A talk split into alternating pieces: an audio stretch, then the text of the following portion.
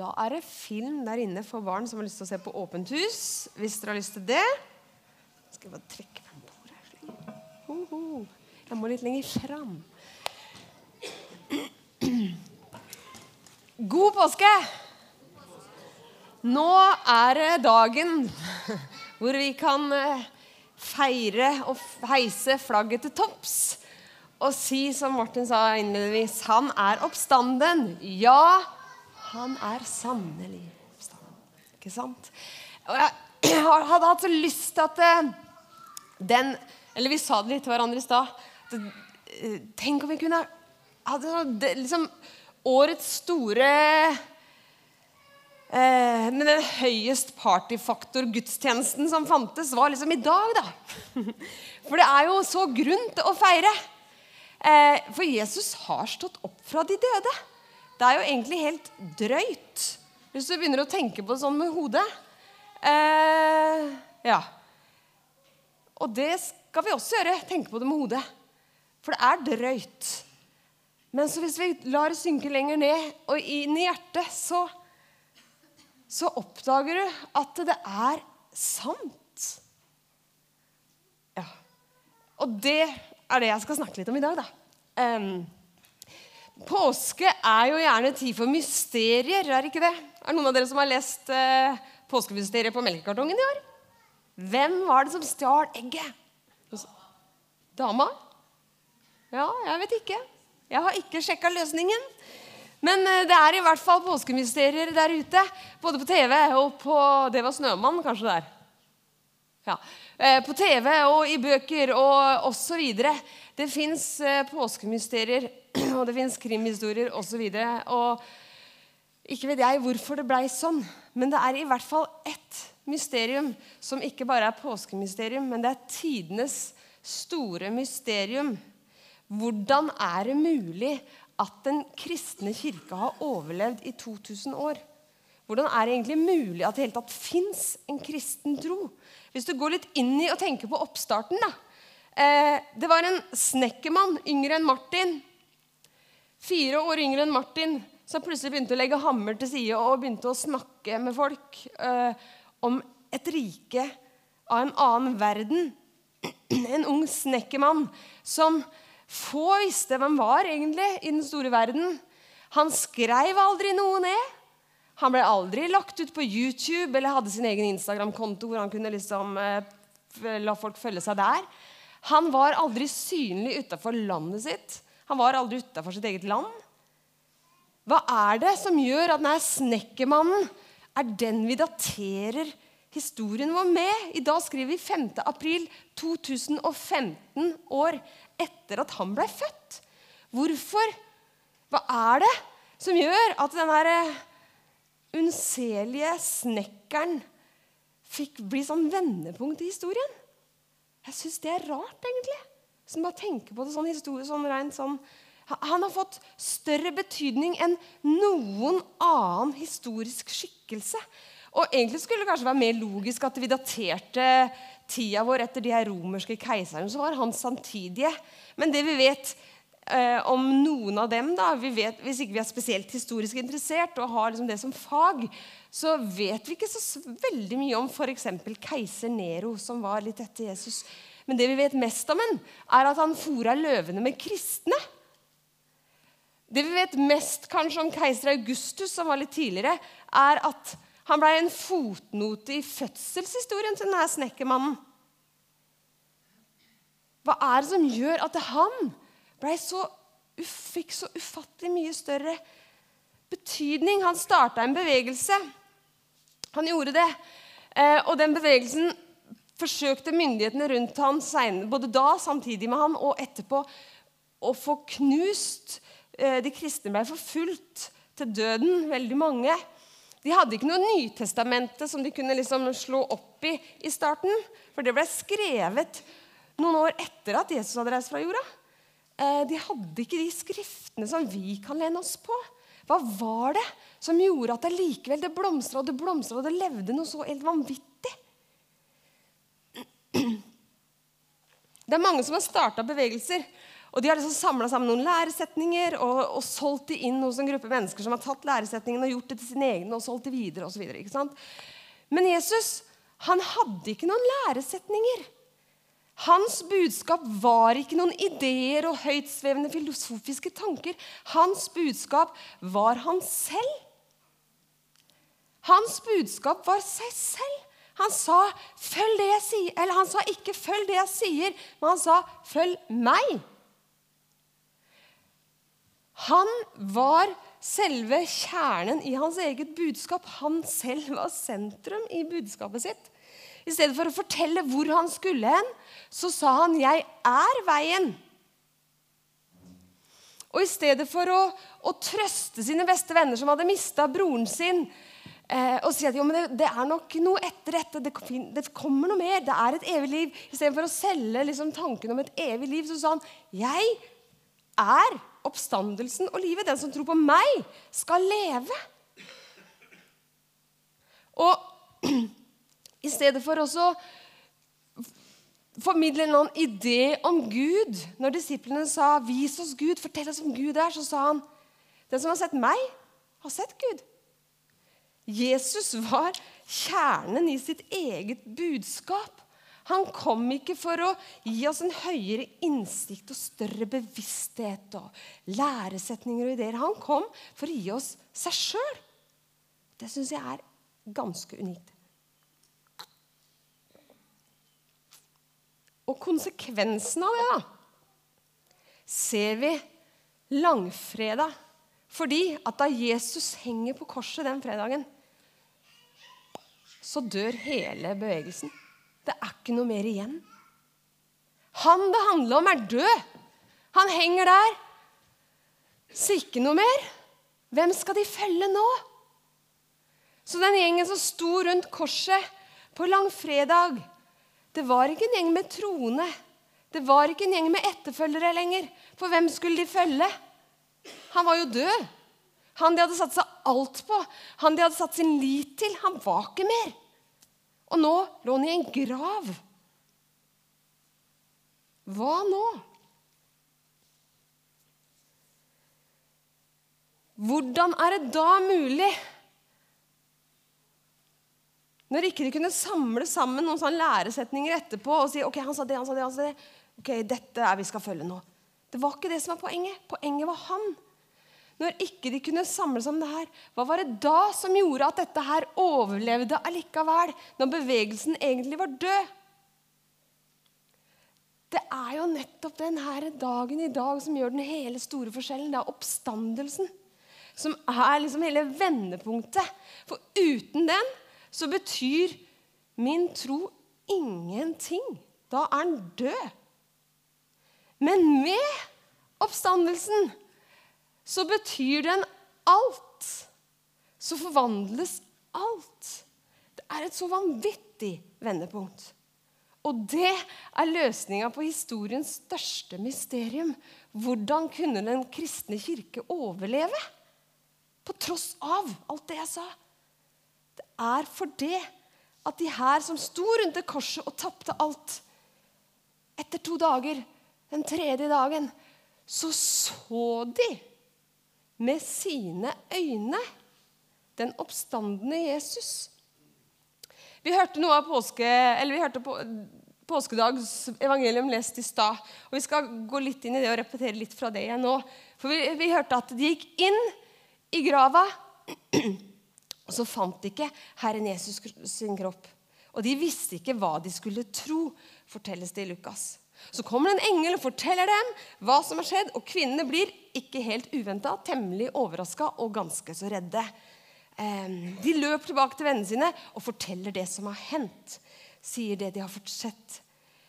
Disiplene, de andre, rister på hundene sine. En kvinnes ord var ikke verdt en skitt.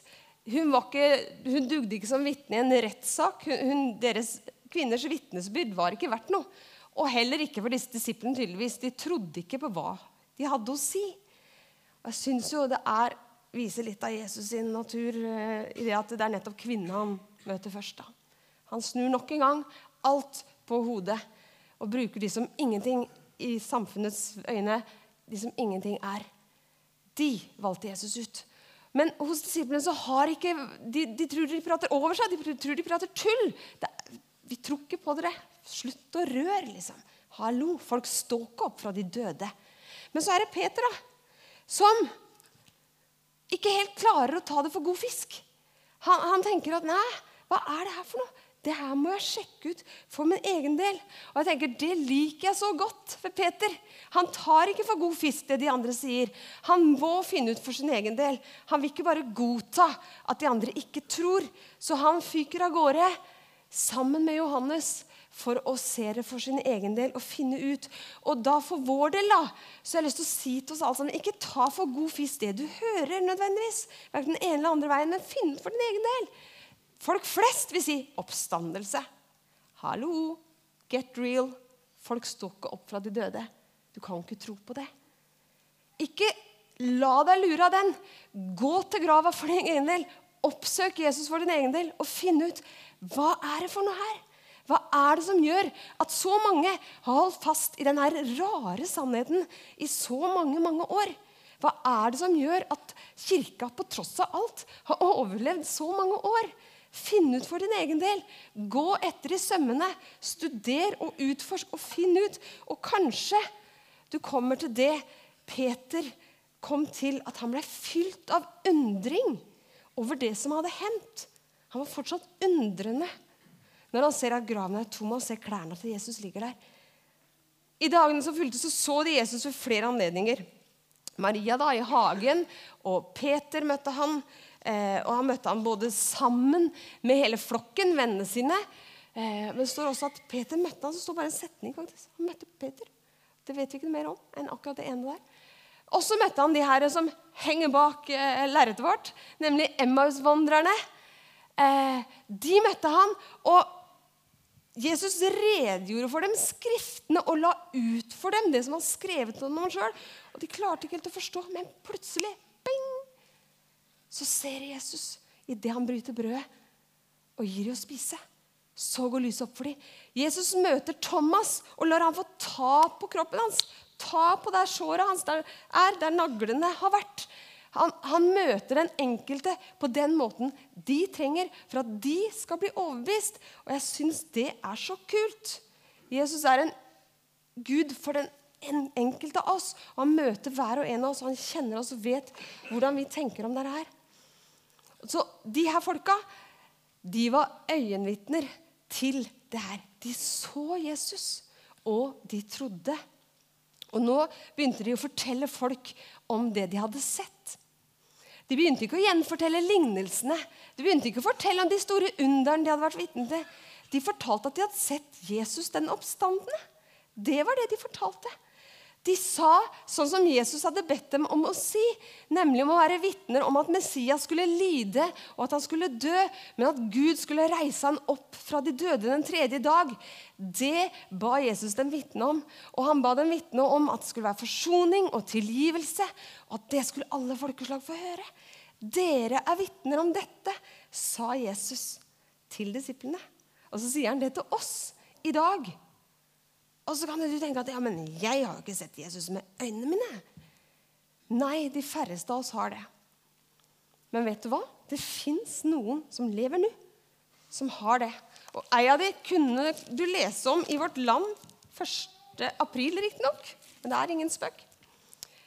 Hun heter Charlotte Rørt, er en dansk kritisk journalist og har aldri vært opptatt av religiøse spørsmål i det hele tatt. Og så møter Jesus ham. Hun ser ham foran seg. Helt fysisk. Og så kan du tenke at ja, ja, hallo, kokkeli munke osv. Hun har skrevet bok om det.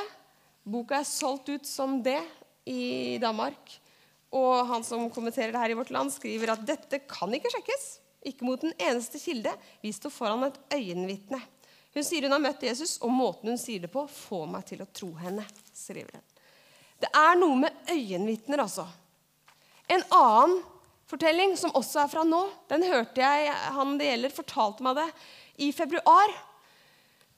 Han bor her i landet vårt, er norsk-somalier, sønn av en imam. Vokste opp i et strengt muslimsk hjem. så møtte han Jesus. Han hadde ikke oppsøkt Jesus, men Jesus oppsøkte han. Og han hørte med sitt fysiske øre Gud elsker deg. Han fikk ikke fred for denne stemmen. Gud elsker deg. Det var en start på en reise til Jesus. Og i dag er han døpt.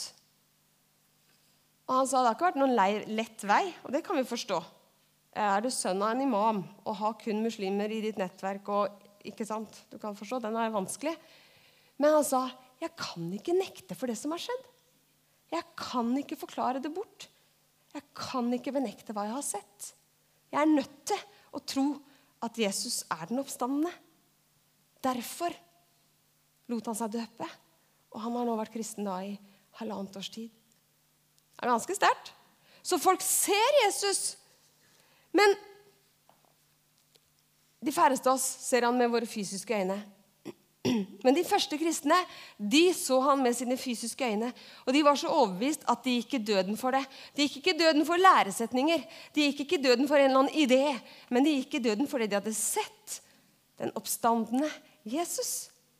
Og det er han vi tilbør, og det er han som er hele clouet i vår kristne tro. For hvis ikke Kristus var stått opp, hvis han ikke hadde stått opp, så er vår tro uten mening.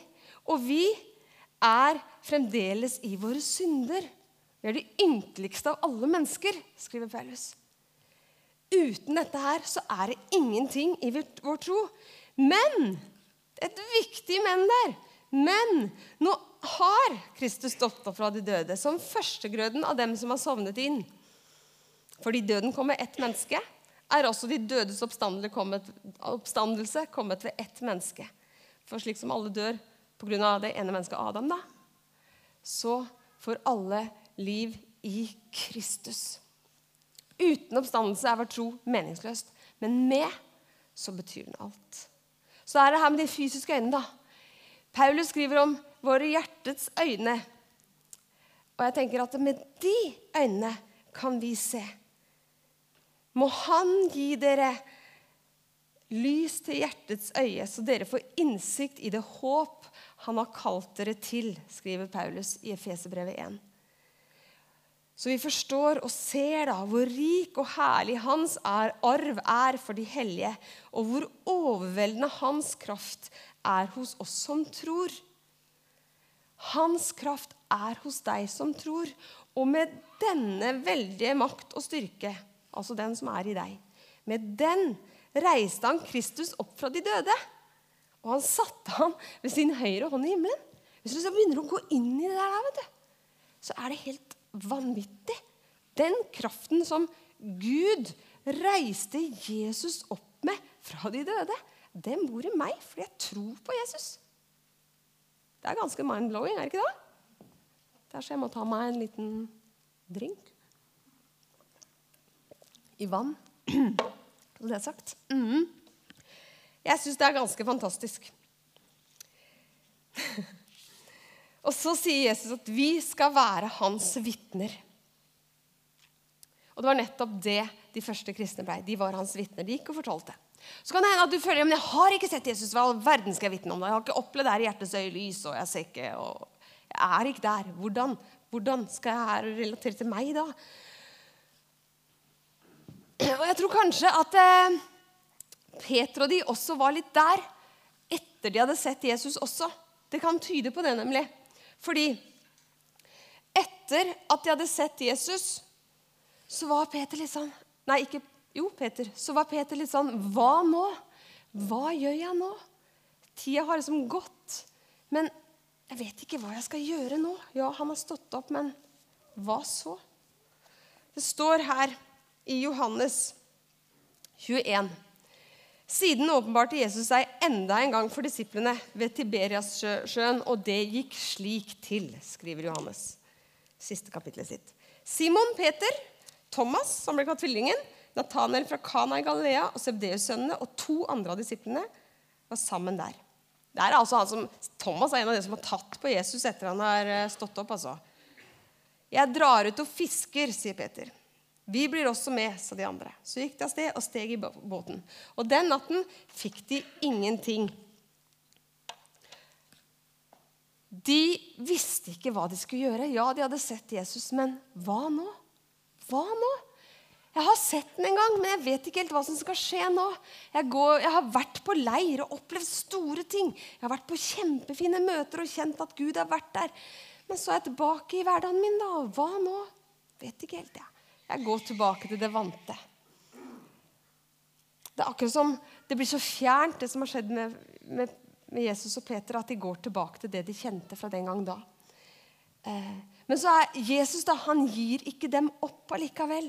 Jesus gir ikke oss opp, og han ga ikke Peter opp. Han ville nemlig at Peter skulle se han, så han vil møte Peter på nytt. Og når han kommer, så ligner det litt på den første gangen som Peter møtte Jesus. For nå står det Da morgenen kom, sto Jesus på stranda, men disiplene visste ikke at det var han, for de var ute og fiska. Altså de stod, så en fyr der inne. Har dere ikke fått noe å spise, barna mine? sa Jesus til dem. Nei, svarte de. Kast garnet ut på høyre siden av båten, så skal dere få, sa Jesus. De kasta garnet ut, og nå klarte de ikke å dra det opp. Så mye fisk hadde de fått. Disippelen som hadde Jesus kjær, det er Johannes, sa da til Peter, 'Det er Herren.' Da Simon Peter hørte det var Herren, bandt han kappen om seg, den hadde han tatt av seg, og kastet seg i sjøen. De andre disiplene kom etter i båten og dro garnet med fisken etter seg. Det var ikke så langt fra land, bare omkring 200 alen. Da de var kommet til land, så de et bål der, og det lå fisk og brød på glørne. Kom hit med noen av de fiskene dere nettopp fikk, sa Jesus til dem. Simon Peter gikk da om bord i båten og trakk garnet i land. Det var fullt av stor fisk, 153 i alt. De har telt det, er ikke det litt kult? Men enda var det så mange at eh, så revna ikke garnet. Så sa Jesus til dem, 'Kom og få mat'. Jesus han ga det ikke opp. Han ville møte dem. Og så kom han til dem nå da i fiskebåten en natt uten et eneste napp. Um, tidligere, For tre år siden så hadde Jesus bedt dem om å kaste garnet ut på den andre sida. Det også etter en natt uten napp. Og da hadde Peter hatt motforestillinger mot å kaste ut garnet. Allikevel til slutt så gjorde han det, og han opplevde store ting. Nå, tre år etter, så har Peter tre år i ryggen sammen med Jesus og har erfart han og hva han har gjort. Og nå har han ikke motforestillinger. Han tenker ok, Jesus sier det, jeg kaster det ut. Og så blir han nok en gang overraska likevel, med 153 fisk. Det er akkurat som Jesus tar går inn i Peters hverdag, og så gjør han noe med den hverdagen. Han tar det vante Peter kjenner til, og gjør det til noe ganske fantastisk. Og når det skjer, så går et lys opp i Peters hjerte. Det han ante, det han hadde sett, for han hadde jo sett Jesus. Det liksom bare går opp for han med en ny tyngde. Og det eneste han tenker på, er å komme nær Jesus fortest mulig. Så han bare kaster seg i vannet og hopper ut og drar inn til han og sier ah, 'Er det deg, Herre?' Er det deg som kommer for meg? Du er jo sannelig stått opp. Og så møter Jesus han der med fisk og sier, 'Kom og spis'. Han bryr seg om hans behov, han bryr seg om hans lengsler. Han bryr seg om Peters ønske om å bli metta på dypet. Da, å bli metta i sjelen. Ikke bare, ikke bare være i en sånn meningsløs tilstand av en sånn fiskeritilværelse uten fisk. Men han ønsker å gi ham fisk, han ønsker å gi mening til hans tilværelse. Han ønsker å gi ham altså, tilfredshet da, midt i den hverdagen han står i. Og så Da møter han han med mat, han møter han med en samtale. Og I den samtalen så går han jo på dypet med Peter og, og begynner å samtale med han, snakke med han og gi han mulighet til å uttrykke hva han faktisk føler for Jesus. For der spør, Peter, nei, der spør Jesus Peter han, om det viktigste. Han spør ikke om 'Tror du på meg?' Han spør ikke 'Er du enig i alt jeg har sagt?' Han spør ikke 'Har du levd rett?' Men han spør 'Elsker du meg?' Det er det han spør om. Den oppstandende Jesus møter Peter med mat og med kjærlighet og et ønske om å være nær med mat og med samtale som fører han inn på dypet av det som er det viktigste, nemlig dette at det er Jesus det handler om, og vår relasjon til han. Rett og slett.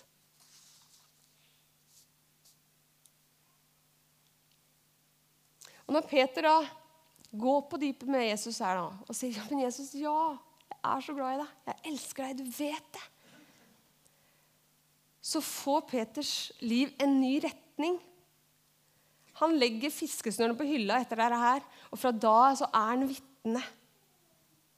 Fra da så er det noe nytt i Peters liv. Han får et nytt fokus. Han blir et vitne om den oppstandende Jesus. Jeg tenker at En annen side ved den fortellingen her er at Jesus visste så godt hvem Peter var. Han kjente alle sidene ved Peter. De gode, de mindre gode. For når Jesus da senere spør om han elsker ham, så sier han, 'Simon, sønn av Johannes, elsker du meg?' Simon, det var det navnet han hadde hatt fra før av. Det var det han kom fra. Sønn av Johannes, hele hans opprinnelse. Det er den Peter Jesus inviterer til å ha en relasjon. Det er den Peter som med alt han er, med hele hans historie, hele hans motivasjon, hele hans rare greier Alt var han. Hele han. Det er den Jesus inviterer og sier, 'Elsker du meg?' Han sier ikke bare 'Peter, klippen på deg vil jeg bygge min kirke', sa, sa Jesus i et annet tilfelle. Det er også en side av Peter, men nå er det liksom Simon og alt han er, med opprinnelsen fra sønnen av Johannes. Det er den Peter Jesus inviterer til og drar med seg inn i dette nye. Da. Og jeg tenker at vi kan komme med alt vi er, alt vi ikke er, alt vi ønsker vi var, alt vi ønsker vi ikke var.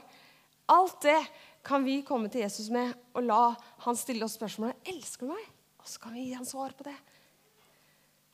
Ja, Jesus, jeg vet eller du vet at jeg har deg kjær. Det er ikke alltid jeg klarer å leve sånn. Det er ikke alltid jeg klarer å ha deg som nummer én. Men du vet det jo. Det er jo deg jeg elsker. Du er jo den oppstande Jesus. Det er jo du som har tatt alt på deg på korset. Det er du som har forsona med Gud. Det er du som har vunnet over døden og trossa alt og blitt levende igjen. Klart jeg elsker deg. Og hva annet kan jeg enn å følge deg? Hva annet kan jeg enn å ta imot det liv du har for meg?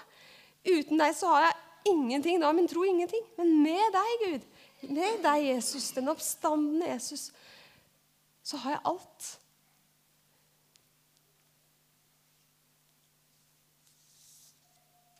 Peter visste at uten oppstandelsen så var det ingenting igjen av det han hadde levd for i tre år. Uten oppstandelsen så var det ikke håp. Uten oppstandelsen var det ingen å følge. Men med oppstandelsen så hadde han alt. Det er klart han ville gå for det. Han så det med egne øyne. Erfarte det på egen kropp. Han så Jesus, og jeg tenker, kjære Jesus, la meg se deg tydeligere, så jeg ser deg enda mer. Sånn som disse første kristne så han. Det er min bønn for oss alle. At vi skal se mer av hvem han er. For jeg tror at når vi ser han en gang til, så kan det være starten på, Eller da er det starten på noe nytt, hvis vi lar han utfordre oss. Hvis vi tar imot den maten han har for oss på stranda. Hvis vi tar imot den samtalen han innbyr til, og er i den, og, og, og møte, lar han møte oss i det. Skal vi be. Herre Jesus, takk at du ga ditt liv for å forsone oss med Gud. Takk, Herre Jesus, for at du døde for at vi skulle få liv. Takk, kjære Jesus, for at det stoppa ikke med den døden på korset på fredagen. Men du vant, kjære gode Jesus, over døden, og du kjempa. Og du kom ut på andre sida som den levende oppstandende Jesus. Og det er deg vi får tilbe her i dag, Herre. Du er her like konkret, egentlig, som det du var da. Vi bare ser deg ikke med fysiske øyne. Men jeg ber Herre Jesus om at vi skal få se deg med vårt hjertets øye. Jeg ber Helligånd at du skal gi det øyet der inni i hjertet vårt lys, så vi ser deg om igjen og om igjen og om igjen. For jeg tror vi trenger å se deg mange ganger. Akkurat som Peter så deg flere ganger før det virkelig gikk opp for, deg, opp for han, så trenger vi òg det, Jesus. Hjelp oss å se deg om igjen og om igjen, og se deg som den du er. Den oppstandende. Ikke bare en helt fra gamle dager, men den oppstandende Jesus som lever nå. Å, Jesus, jeg ber om at du skal bli så tydelig for oss at ikke, ikke vi kan annet enn å hylle deg for den du er. Jeg takker deg, Jesus, for at du er her til stede. Du er med oss hver eneste dag i livet våre. Enten vi har gått tilbake til fisket vårt, eller vi gjør andre ting, Herre. Så ønsker du å vise oss